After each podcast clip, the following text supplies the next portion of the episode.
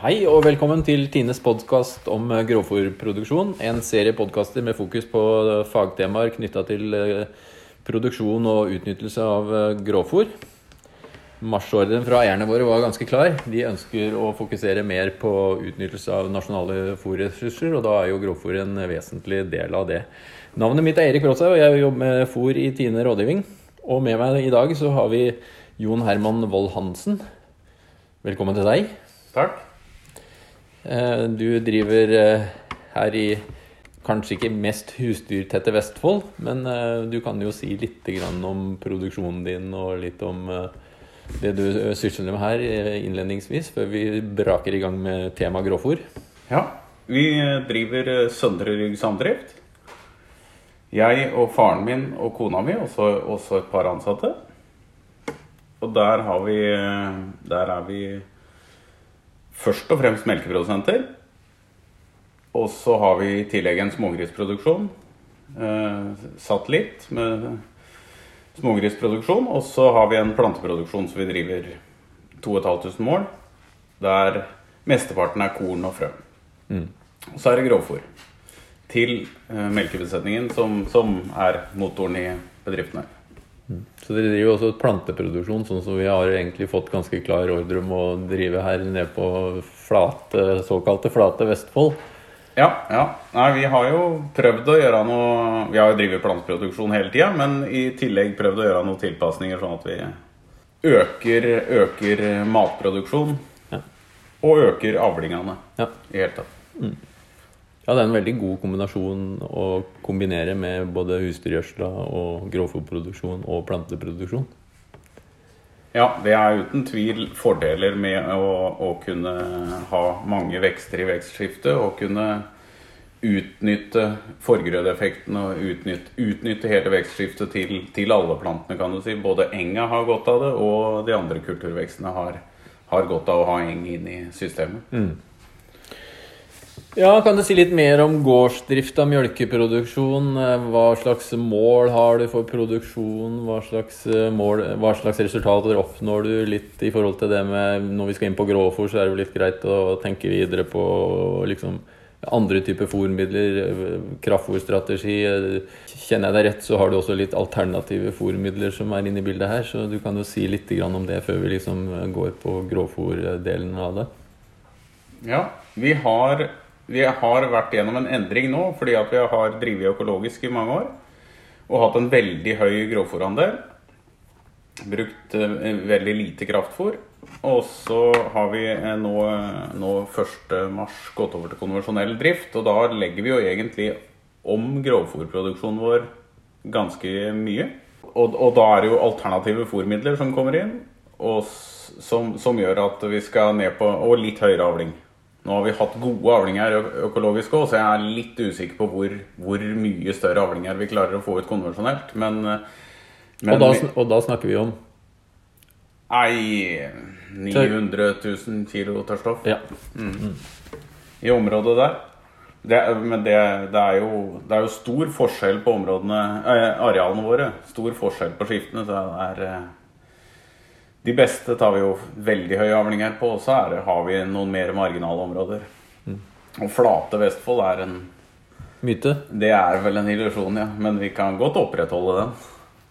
Men ja, du nevner det der med eh, litt differensiering, eller at det er ulike potensialer på ulike skifter og områder og, og sånn. Men, men, kan du si litt mer om det? Hvordan, hvordan tar du ut det? Hvordan strukturerer opp det? Hva, hva er dere det... veldig tydelige på hvordan dere utnytter eh, arealene forskjellig? Nei, vi, eh, det er nok litt eh, Der er det nok litt sånn delte meninger rundt omkring. Men fordi en, en, del vil jo skjerme de mest marginale områdene og prøve å bruke dem til, til gress, kanskje. Mm. Vi prøver å utnytte vekstskiftet mest mulig, og da må vi flytte gresset rundt hele, og også flytte kornet rundt hele. Og så har vi ikke noe fast rotasjon på det, sånn at vi kjører kanskje en større grassandel på de skiftene jeg helst ikke vil pløye, eller som er litt mer tidkrevende å, å bearbeide. Men, men, vi holder rotasjon sånn at vi har vekstskifte hele veien. Fordi at det, det har så god effekt.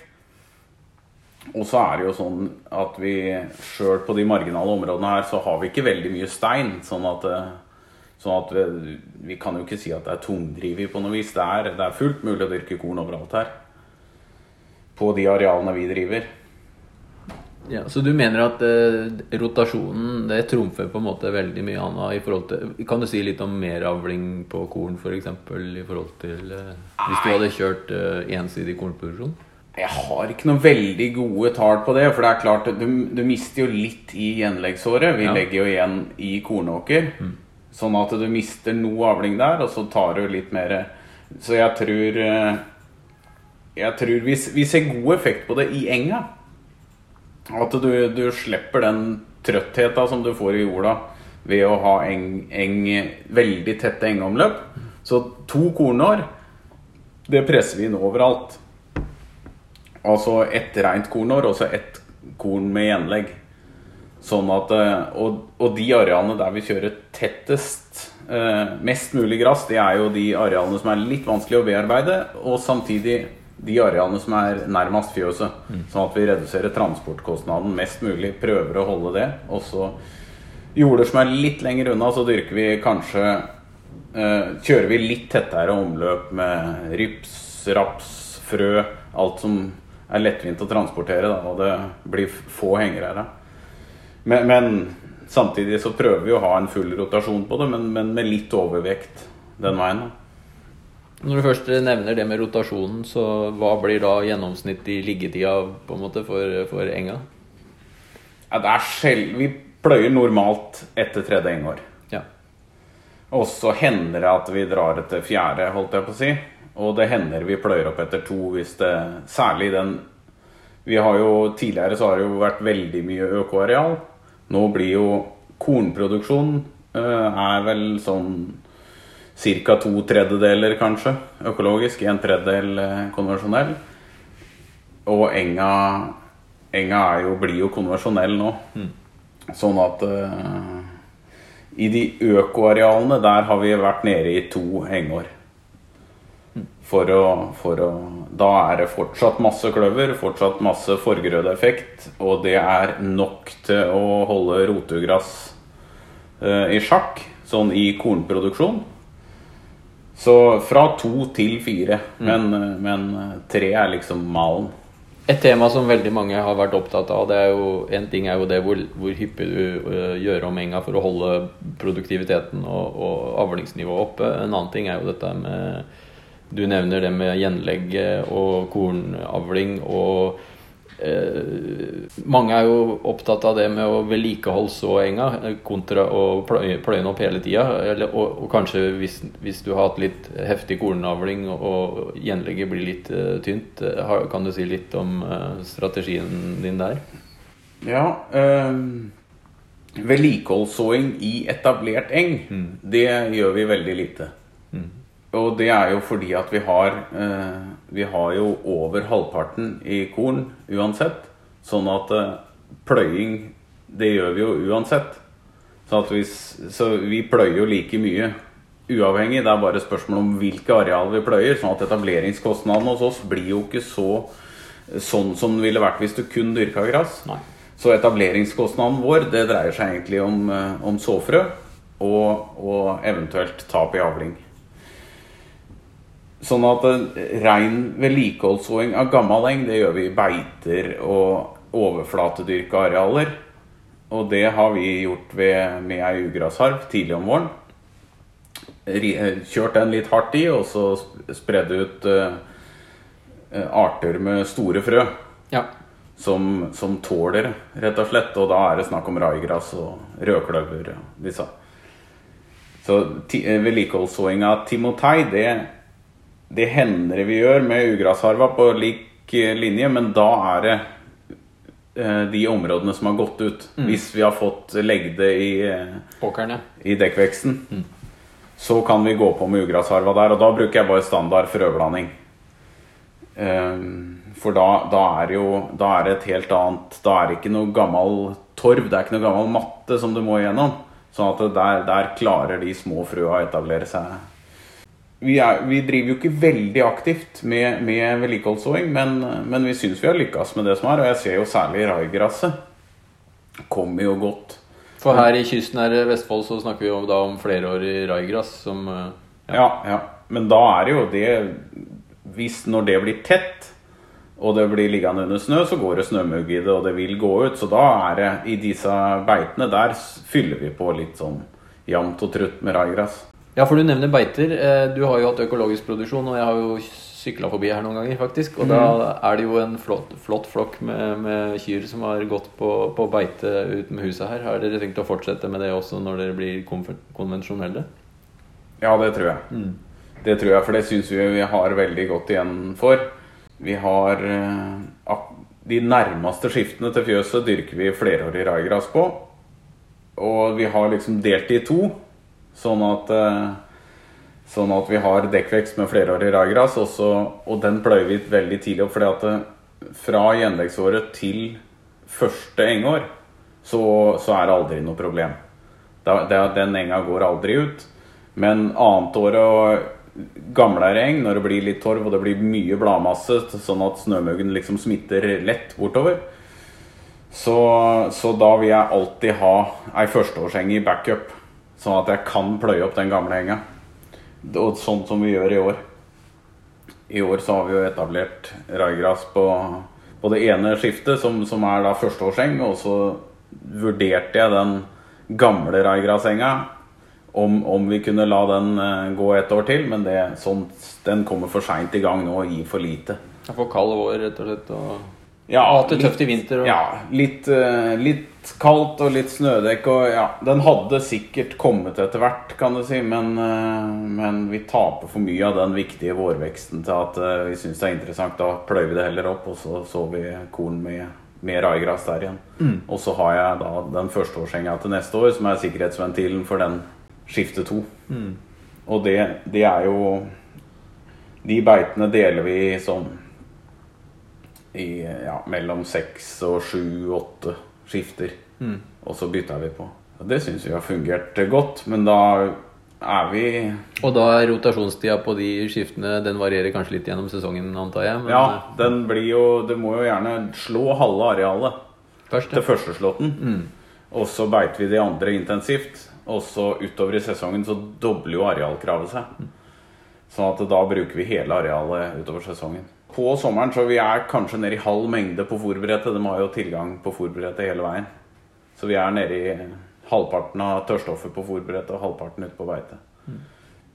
Og når du sier fòrbrettet, så er det også en miks av litt forskjellige ymse fòrmidler, ikke bare grovfòr? Ja, nei, det endra seg jo litt nå 1.3. Så nå er, nå er, det poteter og mask og litt, eh, litt stråfôr og mineraler og silo i, i den miksen. Og den miksen er stort sett den samme uansett om du beiter? Det er bare mengden som varierer, eller hva?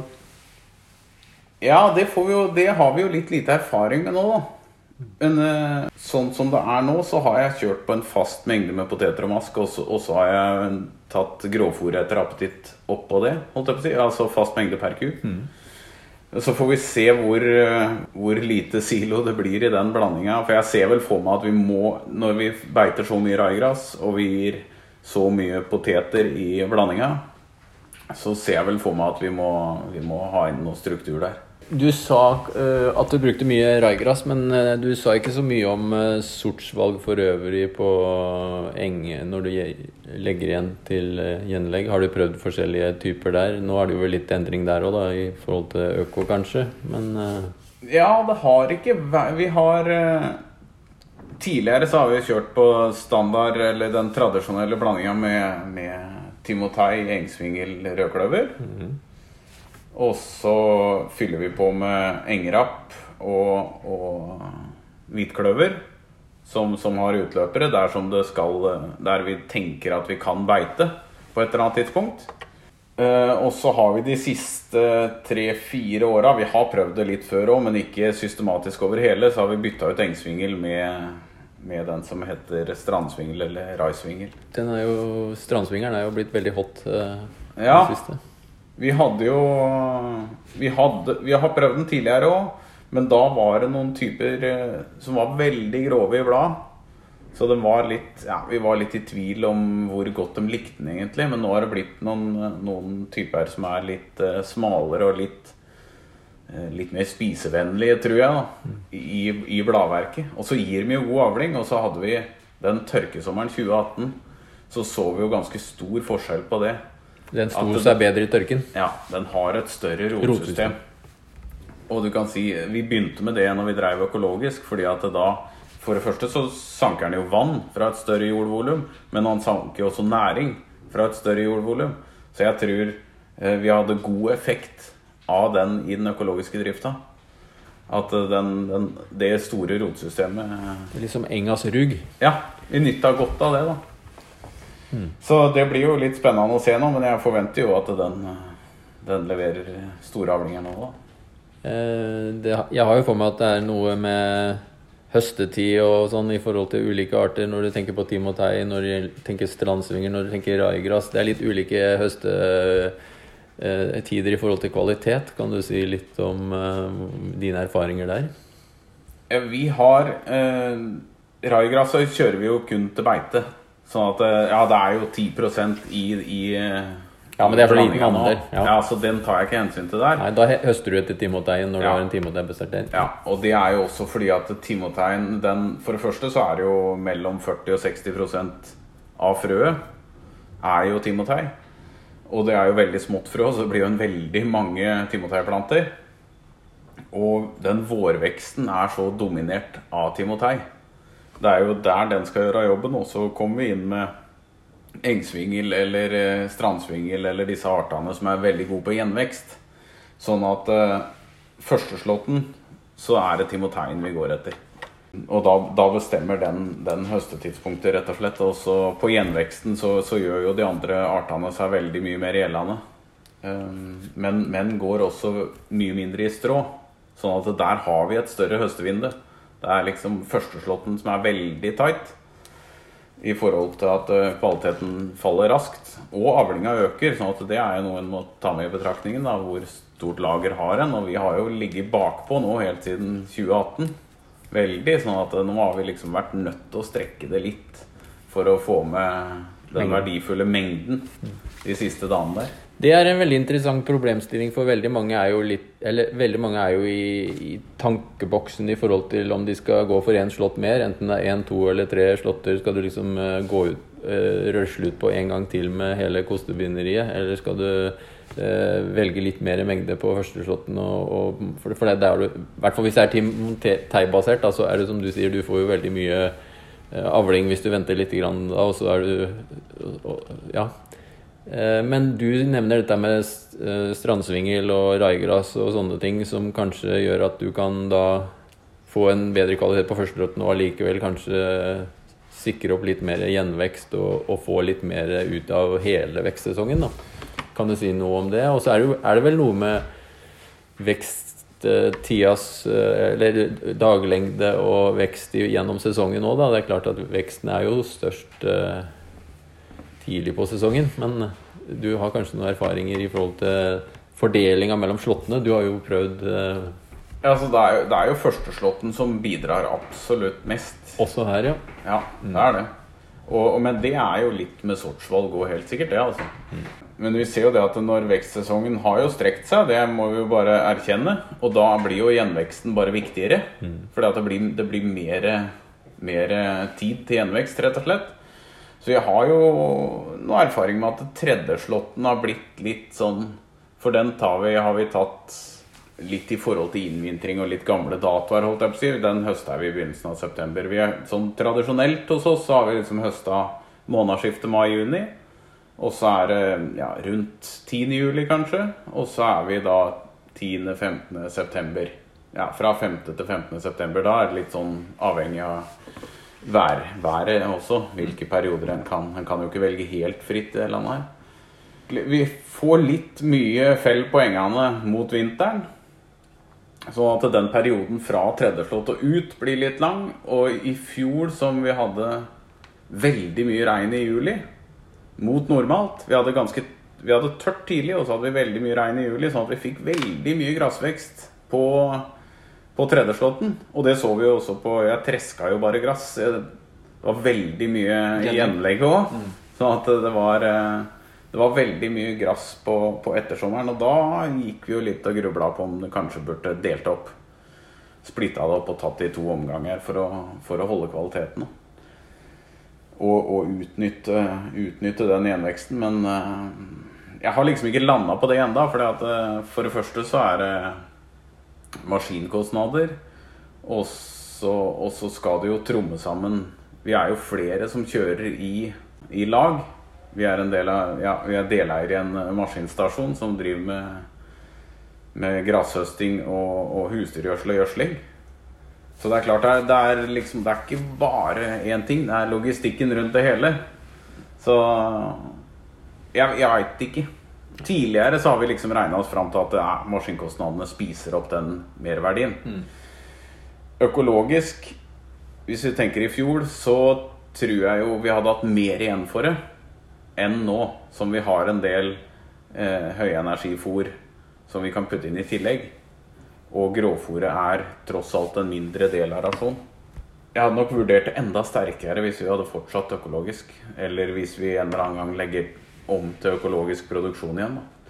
Ja, eh, du er jo inne på Du har jo snakka om rotasjon, og du har snakka om eh, eh, Og du snakker nå om litt grann i retning av gjødsling. Eh, det er jo interessant å høre når dere har så mye ulike vekster på egentlig hele arronderinga med den rotasjonssystemet som dere har lagt opp til. Eh, hvordan håndterer dere alle husdyrgjødsla og får alt husdyrgjødsel? Og ja, kan du si litt mer om både teknikk og Eh, strategi eh, og litt mengder, kanskje, i forhold til gjødsling og annen gjødsling i tillegg og sånn.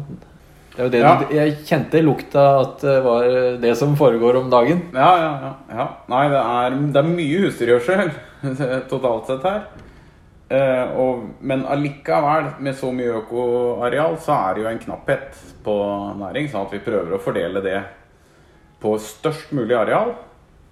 Eh, sånn at flest mulig dekar, flest mulig planter får den, får den første De første kiloene med nitrogen er jo veldig effektive. Da er jo liksom kurven veldig bratt. Du får mye igjen for dem enda, og så, og så flater det ut etter hvert. Men det, det, på de økoarealene så er vi, er vi ikke der på langt nær. Sånn at vi prøver å legge, legge det utover hele arealet. og det vi starter med, for å ta husdyrgjødsla først, så, så liker jeg er veldig glad i å kjøre det tidlig om våren. Så vi starter Nå er det jo litt sånn logistikkmessig fordi at vi kjører for andre også. Så starter vi gjerne tidlig her, sånn at vi har testa, kjørt gjennom og starta Maskineriet er ja, i gang. fått i gang maskineriet, og så slipper jeg å bli, ta noen andres plass i køen, holdt jeg på å si.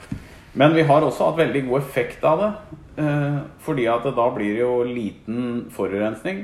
Det er lite plantemateriale å, å forurense. Og det er, eh, det er ofte litt kaldt, så det er lite fordampning. Og vi hadde, det er mange år siden, så hadde vi et møte ut på landbruksrådgivninga som det var en danske oppover og forklarte Ja, hadde masse erfaring med husdyrgjødsel, selvfølgelig. Og hadde noen tabeller på at eh, om du kjørte tidlig og planteveksten bare var så vidt i gang, og særlig på enger med så mye, eh, så mye rotmasse, så, så ville den lave fordampningen gjøre at regnestykket var like godt om, enn om du kjørte når veksten var litt mer i gang. Opptaket litt raskere hos plantene, men litt mer gikk opp i lufta. Så han mente at det var det, det var ingen, ingen ulempe, og heller kanskje ingen fordel, men, eh, men ingen ulempe å, å komme tidlig i gang. Og, derfor, og det har vi liksom flyttet litt på, da. Og ut ifra det du sier, så, så tenker jeg slangespredning eh, Ja, vi kjører med slangespredning. Det er det som er eh, Skal du tidlig nok ut, så er det det som gjelder. Ja, ja, ja. ja, det er jo en forutsetning for å kunne kjøre poengene så tidlig som det vi gjør. Så det første vi gjør, det er å kjøre på alt av frøenger og, og alt av fòrenger. Og da ligger vi mellom to og tre kubikk. Kjører eh, litt avhengig av åssen tørrstoffet er, da. Men, eh, men kjører og rundt 2,5 kubikk på frøengene. Ja, nå er det jo både svinegjødsel og kugjødsel. Sånn, ja.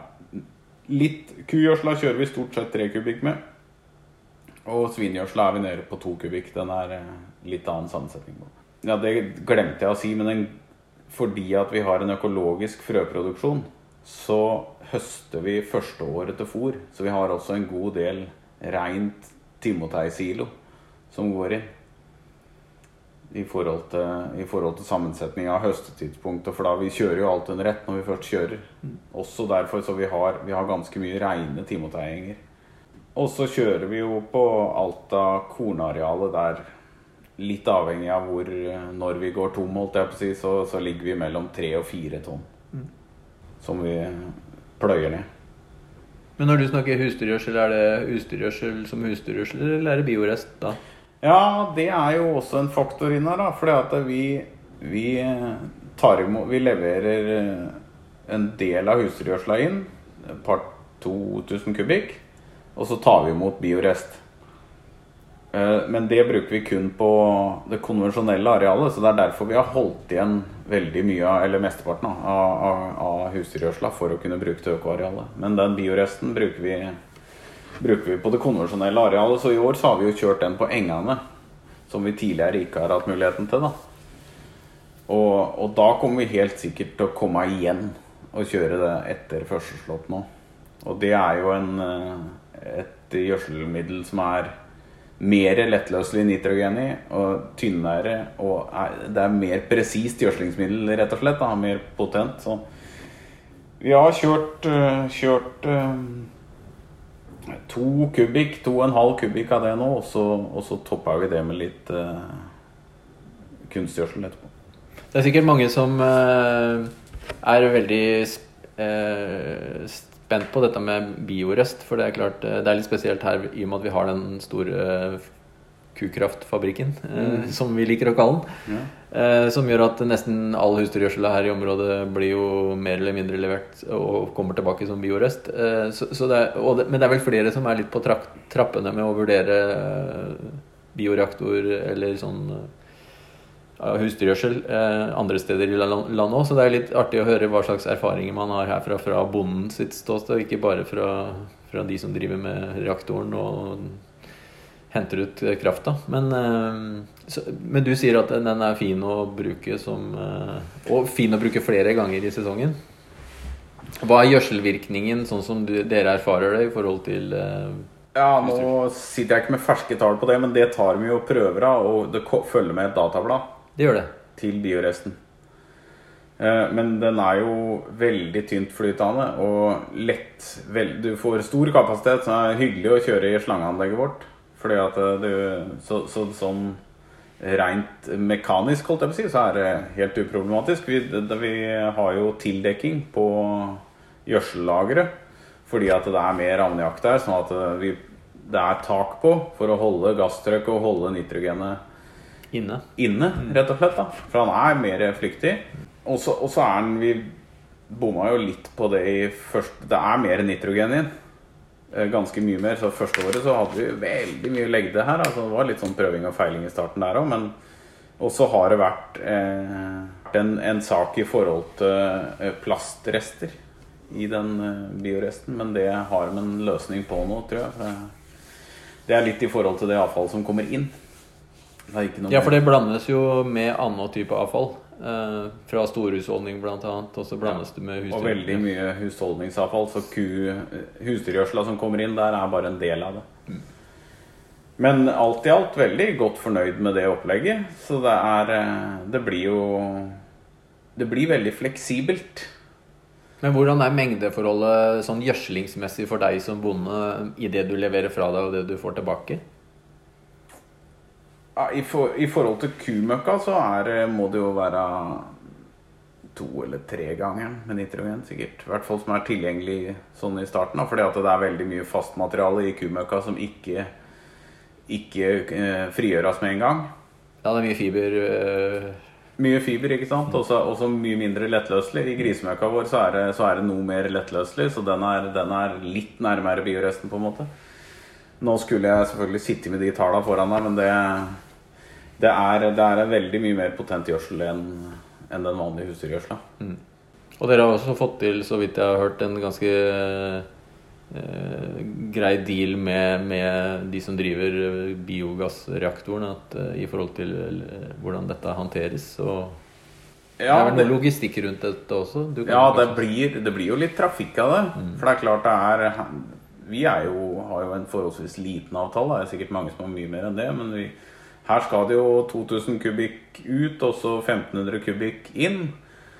Så det er klart det blir noen lastebillast, det. Så, det. så den må jo ta hensyn til det, og, og at de kommer til. For det er store semibiler, sånn at det krever litt logistikk. Men sånn alle, alle semibilene går ikke på kukraft, eller gjør de det? Mm, Nei, det gjør de vel ikke. Det burde de sikkert gjøre. Ja, det er én av dem, tror jeg. Ja. Ok. Jeg er litt uh, usikker, men én av dem går vel i hvert fall på det. Ja. Så det er vel en sånn der Det er vel som resten av samfunnet. Vi sklir sakte, men sikkert over i, det grønne skiftet. Nei, så det er jo det er litt logistikk rundt det også, men vi, sånn i forhold til avtalen med biogassanlegget, så var bøndene og Norsk landbruksrådgivning og Bondelaget veldig tidlig inne i prosessen. Sånn at det Det tror jeg forenkla det for begge parter. Og, og fikk liksom avstemt forventningene litt. Sånn at det, det ligger en, det ligger en Istedenfor at det, biogassfabrikken skulle bygge et stort lager, så bygde vi lager ute, og så har vi en lagerleie for det. Og så er det jo i tillegg det å kjøre med slanger er jo premiert i RMP-systemet òg. Sånn at alt i alt så, så blir det en, en fornuftig pris på den gjødslinga. Og veldig rasjonell håndtering. Og som du var inne på tidligere i stad, du får jo muligheten til å kjøre det på tidlig når du virkelig får henta ut eh, effekten av det. Ja, og så er det jo veldig stor kapasitet. Ja. Og du kan si det er jo Det ligger jo til grunn for hele effektivitetsøkninga i Ja, så jeg tenker med, alt ifra inni fjøset da med melkeroboter og ute med, med mye mer effektiv husdyrgjødselspredning og den biten der. Det er jo det som gjør at vi At vi, vi få som er igjen, produserer like mye. Ja, ja, Den gammeldagse gjødselspredninga var jo utvilsomt bøygen i våronna for veldig mange husdyrprodusenter. Ja, det er mange tanker å kjøre ut. Det hadde jeg sett på som et uoverkommelig prosjekt. Det er klart det er store, effektive tanker, men de er jo tilsvarende tunge. nå Altså. Ja. Men vi, vi kjører ikke noe med tank. Det Vi kjører det vi kan med slanger, og de skiftene som vi liksom Og vi kjører med buffertank. Der vi Det var vel et viktig stikkord, for du kan jo ikke Det er jo ikke overalt er den kommer til. Nei, ja. Sjøl om det er helt utrolig hvor langt vi rekker, og hvor mye stikkrenner og greier vi kommer igjennom, sånn at Ja. vi kommer ganske langt. ja.